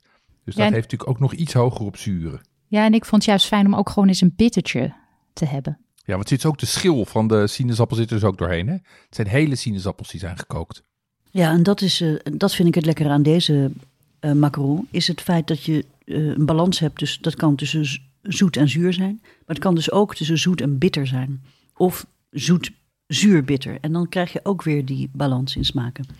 Ehm, als we het over bijzondere vullingen hebben, dan moeten we het ook even hebben over Linnik. Jonas en Carolien zijn langs gegaan bij Linnik van Nick van Doorn. Dat is een, eh, een ambachtelijke patissier in Amsterdam-Zuid. En is een oud leerling van Holtkamp. En als je onze aflevering met Holtkamp eh, luistert, vertelt hij ook dat hij daar nog eh, de eerste jaren regelmatig heeft eh, meegeholpen. Ehm, Nick maakt bijzondere macarons en weet er ontzettend veel van af. Laten we eens even luisteren wat jullie daar allemaal met hem hebben besproken. En we staan nu in Amsterdam-Zuid. voor patisserie Linnik van eh, Nick van Doorn. Die hier al jarenlang eh, macarons maakt. Dus eh, we mogen even bij hem binnenkomen, in de keuken kijken. En wat tips van hem krijgen. Dus goedemiddag. Kijk, als je binnenloopt, dan kan je de macarons niet missen. Want die liggen mooi uitgestald op de toonbank in alle soorten smaken en kleuren die er zijn. Nou, we zijn even de keuken ingelopen. Of heet het de keuken, Nick, hier? Ja, zeker. En eh, hier naast ons staat een eh, enorm grote machine chocola te draaien. Maar we zijn hier voor iets heel anders. We zijn hier voor de macarons. Toch, Carolien? Ja, zeker weten. Eh, Nick, hoe ben jij zo in de macarons geraakt? Ja, die liefde begon ooit toen eh, Kees Holtke me meenam naar, eh, naar Parijs. En daar, en daar heb ik het gegeten. Volgens mij was het in 2003, 2004. Zijn we samen een tripje gemaakt naar eh, Parijs. En toen kwamen we bij al die grote, prachtige zaken. La Durée en Fouchon en Pierre Hermé. En ja, daar ben ik eh, toen dat, dat gegeten daar. En eh, vanaf toen is het gaan kriebelen. En heb ik heel lang geprobeerd om ze zelf te maken. was altijd erg moeilijk. kon niet uit het goede recept komen. En heel lang mee gestoeid. Tot op een gegeven moment dat ik het had. Ik had, ik had de macarons gevonden, het recept. En die ben ik daar gaan maken bij, eh bij Holtkamp. En eh, ja, dat is eigenlijk, die liefde is nooit weggegaan. Ik vind het zo'n mooi product. Je kan er zoveel creativiteit in kwijt. Het is, eh, het is echt een delicatesse. Je kan je kan, ja, de grenzen zijn ongelimiteerd. Dus eh, ja, daar komt de liefde vandaan. Nou, ehm, wat zijn nou je, de smaken die het meest verkocht worden? De meest, ja, iedereen pakt eigenlijk altijd wel de karamel of de, of de crème brûlée. En, en toch eigenlijk ook wel de mango calamansi en de passiefruit. Ja, dat zijn toch wel de hardlopers. Ja, chocola ook wel veel, ja. Nou gebruik jij heel erg veel eh, ganache eh, als vulling. Kun jij uitleggen waarom eh, je voor ganache kiest? Ja, ganache is eigenlijk de basis van onze vullingen. En dat heeft te maken met dat, dat we doen vaak met witte chocolade dan werken. Omdat je daar ja, alles aan toe kan voegen. Eh ganache is natuurlijk ook langer houdbaar. Eh, crème bijvoorbeeld, als je dat zou kiezen, dat is niet zo lang houdbaar. Sommige zie, zie je ook wel een soort van anglaise erin. Een gekookt, eh, gekookt iets-achtige roomstructuur. Ja, dat is maar een paar, dat is echt gelimiteerd behoudbaar. En als je een bedrijf hebt waar je veel macarons eh, verkoopt, moet je ook veel kunnen opslaan en moet je het ook langer houdbaar, eh, langer houdbaar kunnen zijn als dat je ze thuis zou maken. Dus voor thuis is een cremeux filling of zo is dat wel leuk en lekker. Maar dan, na twee dagen is hij eigenlijk gewoon te zacht geworden. Dus dan is het niet lekker meer. En hoeveel maak je er per week? We maken er nu zo'n eh, 4800 per week. Heb jij tips voor mensen die thuis macarons willen bakken? Jazeker. Thuis macarons bakken is erg lastig. En Je hebt heel, met heel veel factoren te maken. Dus het schelpje bakken, dat is, ja, dat is, dat is dat, bijna hogere wiskunde. Dus ook natuurlijk onzin. Als je de juiste tools hebt, dan kan iedereen het. Maar je moet bijvoorbeeld niet gaan doen als het regent buiten. Want ja, dan is de luchtvochtigheid eh, gewoon te veel. Dan, ja, dan worden je schelp niet droog en dan krijgen ze niet mooi gebakken. Dus ja, om, maar iets, om maar iets aan te geven. Als je je eiwit vers uit het schaaltje tikt en vers gaat gebruiken, wordt je eiwit nooit mooi en gaat hij vaak scheuren. Komt het voetje niet mooi aan de zijkant, gaat het voetje recht omhoog. Dus eiwit moet ook dan weer 24 uur eigenlijk liefst op kamertemperatuur staan voordat je macarons gaat draaien. Want dan breken die, eh, die sterke eiwitten wat af. Dus dat zijn dingetjes waar je wel rekening mee moet houden als je macarons thuis gaat bakken. En dan vooral natuurlijk de vulling koken, want daar gaat het in feite om. Die macaronschelp, dat is, niet zo, dat is op een gegeven moment als je dat kan, dan is het niet zo moeilijk meer. Maar die vullingen, ja, dat is natuurlijk, eh, ja, daar moet je een paar goede recepten voor hebben. En dan krijgen we van jou het recept met een, ehm, met een vulling met champagne. Kun je vertellen hoe, je daar, hoe die is ontstaan, dat recept? Ja, nou, eh, mijn roots liggen dus bij Holtkamp, zoals ik net al, al zei. En daar, daar hadden we altijd een eh, champagne frambozenstaart, was de hardloper daar altijd. En, eh, en daar, daar heb ik een, ook een tijdje een taart mee gemaakt, maar dan niet framboos. Ik deed dan iets anders. Ik wilde dan wat anders doen, want ik wilde niet op Holtkamp lijken. Tot aan, dus echt een, ik wilde mijn eigen draai vinden. Dus wij vonden de Berriolet en dat, dat is een, mix van frambozen, blauwbessen en viooltjes. En die deed ik dan als jam erin. Dat, is, dat, is, dat past heel goed bij de champagne. Eh, laatste vraag. Als mensen nou jouw recept willen gaan koken, hè, waar moeten ze dan op letten? Heb je dan specifieke tips voor deze vulling? Nou, zorg ervoor dat, eh, dat, dat de room niet aan de kook komt. En dat, ehm, dat, dat de chocola gesmolten is van tevoren, voordat je het bij de vulling doet. En dat je niet te lang, ehm, ja, niet te lang roeren, maar ook niet te lang staaf mixen. Want als je dat te lang doet, dan gaat hij dus een beetje in de schrift, omdat er veel vocht op zit. Ja, en ook eh, als je een dag staat, het moet eigenlijk een beetje koud staan. Dus niet in een warme kamer, maar het liefst een beetje zo rond de, rond de ja, 15 graden. Dat is mooi om de kanache op te laten stuiven. Dus in het, eh, in het raam voor de, voor, de, voor de tocht. Ja, of in de kelder. Ja, en net zei je, toen we even aan het, eh, aan het kennismaken waren, vertelde je over hoe jij recepten ontwikkelt. Kan je daar nog iets over vertellen? Ja, als je een recept maakt en je maakt een smaakpalet, dan kan je natuurlijk naar de geëikte smaken gaan, zoals een peshmelba of een, hè, wat wij ook ontzettend lekker vinden. Eh, maar je kan ook zelf dingen bedenken, zoals je iets een keer proeft bij een restaurant en eh, bijvoorbeeld tomaatjes gaat heel erg lekker met, eh met eh, yuzu en, eh, en eh, basilicum. Ja, daar kan je ook een macaron van maken. Dus weet je, de grenzen zijn ongelimiteerd. En zo denken wij een beetje, als we een keer een leuk smaakpalet vinden, en dan denken we, nou, daar kunnen we een macaron van maken. Dus de volgende macaron, die hebben we alweer gemaakt. Ja, dus daar zijn we altijd, eh, altijd mee bezig met die smaken. We staan in de keuken, er wordt om ons heen wordt er flink schoongemaakt en, eh, en de dag afgesloten. Maar we kijken ook naar een grote bak met macarons. Dus eh, zullen we er een paar meenemen, Carolien? Ja, dat is een goed idee. En heb je een aantal eh, smaken, Nick, die, eh, die we zeker moeten proeven zo direct? Eh, wij vind, ik vind alles lekker en voor iedereen is wat wils. Dat is ook het leuke met die macarons. We hebben twintig smaken, dus als je- mensen houden niet van fruitvullingen, hebben we wel andere. Dus ja, we hebben zoveel eh, soorten. Dus voor ieder wat wil, zou ik zeggen. Wat leuk. Ja, ik zag al Yuzu ertussen staan, dus die gaan we zeker zo meenemen. Nick, ontzettend bedankt voor je tijd en eh, we gaan genieten van je macarons. Graag gedaan. Tot de volgende keer hopelijk. Ehm, nou, dat was echt heel leuk om daar te zijn, eh, want dat heeft hij ontzettend veel soorten. Daarvan heeft hij ons een aantal meegegeven. We hebben hier eentje die we nu gaan proeven. En daar hebben we ook het recept van gekregen. En dat is een eh, macaron met een dubbele vulling. Eh, aan de ene kant zit er een champagnecrème in en een berliolet. En een berliolet is een gelei van frambozen, viooltjes en blauwe bessen. Het is een van zijn bestsellers en het recept staat ook op de website. En, en jij zei blauwe bessen. Zijn het dan blauwe bessen of zijn dat bosbessen?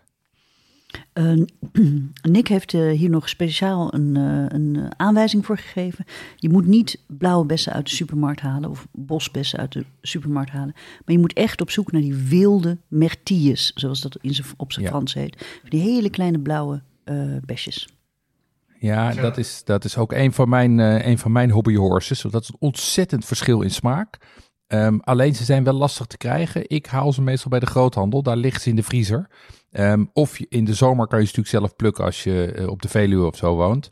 Ehm, maar dat is een verschil van dag en nacht. Die kan je eigenlijk niet met elkaar vergelijken. Eh, überhaupt, eh, dit recept dat we van hem ge- gekregen hebben, staat uitgewerkt op de website.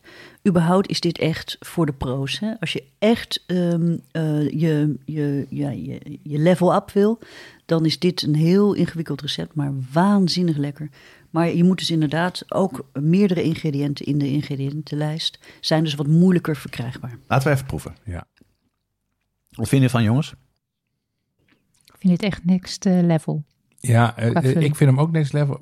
Maar voor mij is hij te subtiel. Ik ben, ik ben toch meer van de, van de, van de wat vierkantere botte smaken. En dit is, ik snap dat het heel knap is. En ik, ik waardeerde het aroma ook. Maar als je mij vraagt, heb je liever deze of liever die met chocola of citroen? Dan ga ik toch voor de, voor de botte smaak. Ik ben niet zo'n subtiele jongen. Dat hebben we eerder al geconstateerd. Wat ik, heel, wat ik er heel bijzonder aan vind, is dat je dus die champagne smaak heel goed proeft. Een soort van tweede laag komt hij terug. En als je goed naar de macaron kijkt, als je hem doorgebeten hebt, dan zie je dat hij dus een, een, een crème heeft aan de buitenkant en een vulling. Dus hier is het zo, je spuit dus de, de, de, de, de crème eerst op. En met een tweede spuitzak, die doe je erin. Dan man je een klein soort kerntje van de vulling van eh, ja, die jamachtige dingen. Dus eh, ik vind hem heerlijk. En doet, hij, en doet hij die twee vullingen in één zak? Want dat kan je ook doen. Hè? Je kan Nee. ook je zak hebben dat je de binnenkant bekleedt en dan, de buiten, en dan vult. Of hij doet gewoon twee, twee spuitzakken. Twee keer vullen. Oh ja, right. Ja, dat is echt wel. We hadden het al over moeilijk en, en, en haalbaar. Dit is echt wel eh, next level eh, werk. Voor de liefhebber. Ehm, ja, voor de liefhebber. Overigens, als je een liefhebber bent, hebben we iets heel erg leuks geregeld met Nick. Ehm, hij gaat namelijk exclusief voor ons, exclusief voor de brigadeleden, een workshop, een masterclass moet ik eigenlijk zeggen, geven. Macarons bakken. Op zaterdag 14 mei vanaf 1 uur in Almere. Binnenkort krijgen alle brigadeleden bericht om zich in te schrijven. En eh, dat is dus alleen voor de brigade. En dat is als je het echte topniveau van macaronbakken wil halen, dan moet je hier naartoe. Zo, we zijn aan het einde. We hebben heerlijke macarons geproefd. Ehm, laten we heel even nog bij een paar dingen stilstaan. Ik denk dat het ook belangrijk is om te vertellen eh, wat je nodig hebt. Wat voor gear moet je allemaal, heb je allemaal nodig? Nou, sowieso heb je natuurlijk een spuitzak nodig met de juiste spuitmondjes. 10 mm. Niet 12, niet 8, 10. Eh, dat kijkt nou, want met de juiste structuur van de macaronage moet je dus ook de juiste doorvoersnelheid van die spuitmond hebben. Spuitzak. Een suikerthermometer. Een klein pannetje, want anders wordt het moeilijk om je temperatuur te meten. Als je hem natuurlijk in een grote pan gooit, dan loopt het allemaal door elkaar. Ehm, een siliconen mat met rondjes of bakpapier. Dat is een afweging wat je zelf prettiger vindt. Idealiter een standmixer. En als je geen standmixer hebt, dan heb je een hulpje nodig. Kind of partner die eh, helpt bij het maken van die Italiaanse merengue. En tenslotte heb je natuurlijk kleurstof nodig. En kleurstof, dat kijkt wel even nauw. Wat je in de supermarkt vindt, is vloeibare kleurstof. Dat wil je zeker niet. Wat je ook online kan krijgen, is gel. dat kan, dat is al beter, dat werkt. Maar het beste is om poeder te gebruiken, want dan voeg je geen vocht toe. Ehm, en Rutger tipte een, uh, een Franse leverancier van kleurstoffen, Meilleur du Chef. En dat is echt de allerbeste. Zetten we in de show notes. Ehm, en ik voeg hier aan deze lijst met Kier vroeg ik nog drie, drie dingetjes toe. Een goede weegschaal, een betere weegschaal, een, uh, een laserthermometer die ik nu eindelijk mag kopen en een nieuwe oven die ik nu ook eindelijk mag kopen. Dus dat zijn, uh, dat zijn mijn takeaways. Um, even over hacks en trucs hè, voor de beste macarons. Er zijn ontzettend, ik heb, ik heb jullie allebei, zowel Caroline als ontzettend veel dingen horen roepen over hacks en trucs die je kan doen. Wat hebben jullie geprobeerd en wat werkt wel of wat werkt niet? Um, Sas, mag ik aan jou vragen om te beginnen? Ja, nou ja, wat, wat het meest ingewikkelde is, zijn die uh, eiwitten. En uh, als je een beetje research doet over macaron, lees je ook heel veel over het agen van eiwitten. Wat je feitelijk doet, is dat je ze 24 uur van tevoren op kamertemperatuur buiten nou ja, zet. En wat er dan gebeurt, is dat de, de eiwitmoleculen dan kunnen ontspannen. En dat zou beter zijn voor, nou ja, om meer volume te krijgen. Uh, mij is dat ook niet altijd gelukt. Dus wat ik heb uh, gedaan is dat ik in het Frans recept uh, een, een, een, vierde theelepel wijnsteenzuur heb gebruikt. En dat wijnsteenzuur maakt, net als suiker, dat eiwitmoleculen zich meer met de lucht verbinden en dus ook stijver worden. Je moet dat alleen niet doen met de chocolademacarons, want dan gaat het niet goed in de macaronage. Uh, ja, het eten van eiwitten, dat uh, heeft mij wel heel erg veel geholpen. Uh, Pierre Hermé zegt zelfs een, een, week uit de koelkast. En dan lekker hoog bakken. nou, dat moet je dus niet doen, want dan verbranden ze. Maar ehm, ja, een paar dagen voor het bakken, dus je eiwitten al apart ja, op, op temperatuur laten komen. Dat ja, werkt dus, echt. Dus uit de schil, hè? Dus ja. uit de schil in een bakje en dat dan op een veilige plek zetten. Ja, en gescheiden van de eigelen dus ook. Ja. Uh, nou ja, wat ik ook uh, een goede tip vind is, uh, ik merkte met dat zeven dat er heel veel van dat amandelmeel nog in blijft zitten. En dat is een beetje zonde. Dus wat ik doe zijn eigenlijk, is, is ik voeg gewoon wat extra amandelmeel toe. Ehm, en dan, ik probeer het wel een beetje door de zeef te duwen met een garde en een een lepel. Maar wat je dan uh, krijgt, is dat je effectief precies de hoeveelheid amandelmeel krijgt die in het recept wordt uh, uh, aanbevolen. Ja, en wat mij opviel is dat het amandelmeel wat je in de winkel koopt, zelfs als je het bestelt bij de goede online patisseriewinkels, is redelijk grof. Um, dus je zeeft er altijd best wel veel uit. Het hangt dus ook vanaf hoe fijn je zeef is, hoe fijn je macaronstructuur wordt.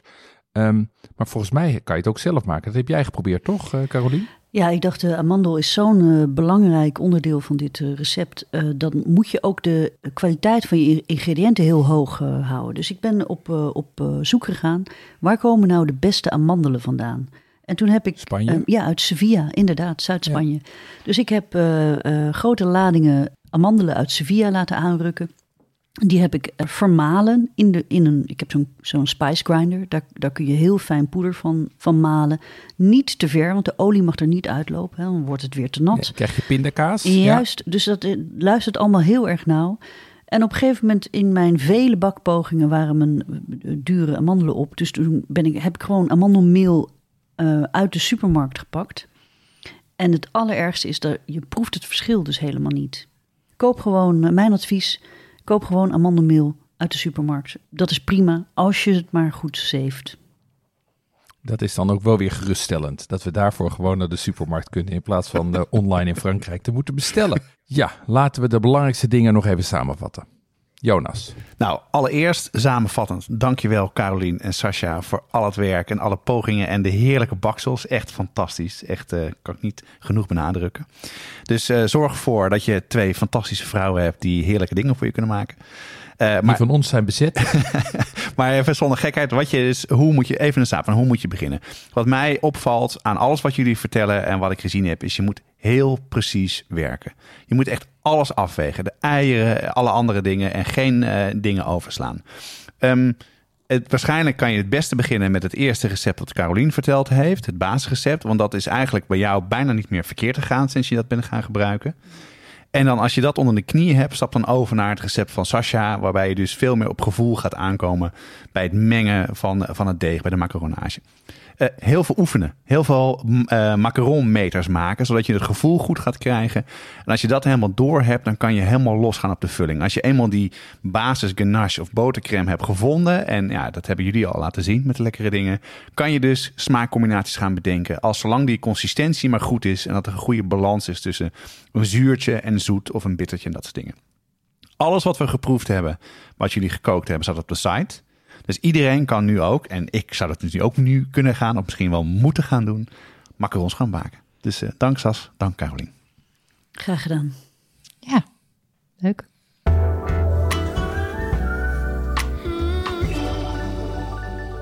Ja, deze keer doen we geen van de afslag. Um, door de stormen eh, van de afgelopen weken was uh, de aanvoer nogal onvoorspelbaar, dus we slaan één afleveringetje over. Ja, en uh, een van de dingen die we de laatste tijd hebben georganiseerd zijn nieuwe workshops. De brigadeleden hebben zich daar de afgelopen weken over kunnen inschrijven. Maar er zijn nog een paar plekjes vrij en ook niet-leden kunnen zich nu inschrijven. Dat gaat om twee workshops. Een serie uh, workshops op de India, van de Indiase keuken van Paulami en een masterclass fermenteren van meneer Wat Heet Ons, waarbij bovendien een starter kit zit met alle spullen die je nodig hebt. Want dat doen wij bij voorkeur bij onze masterclass en workshops.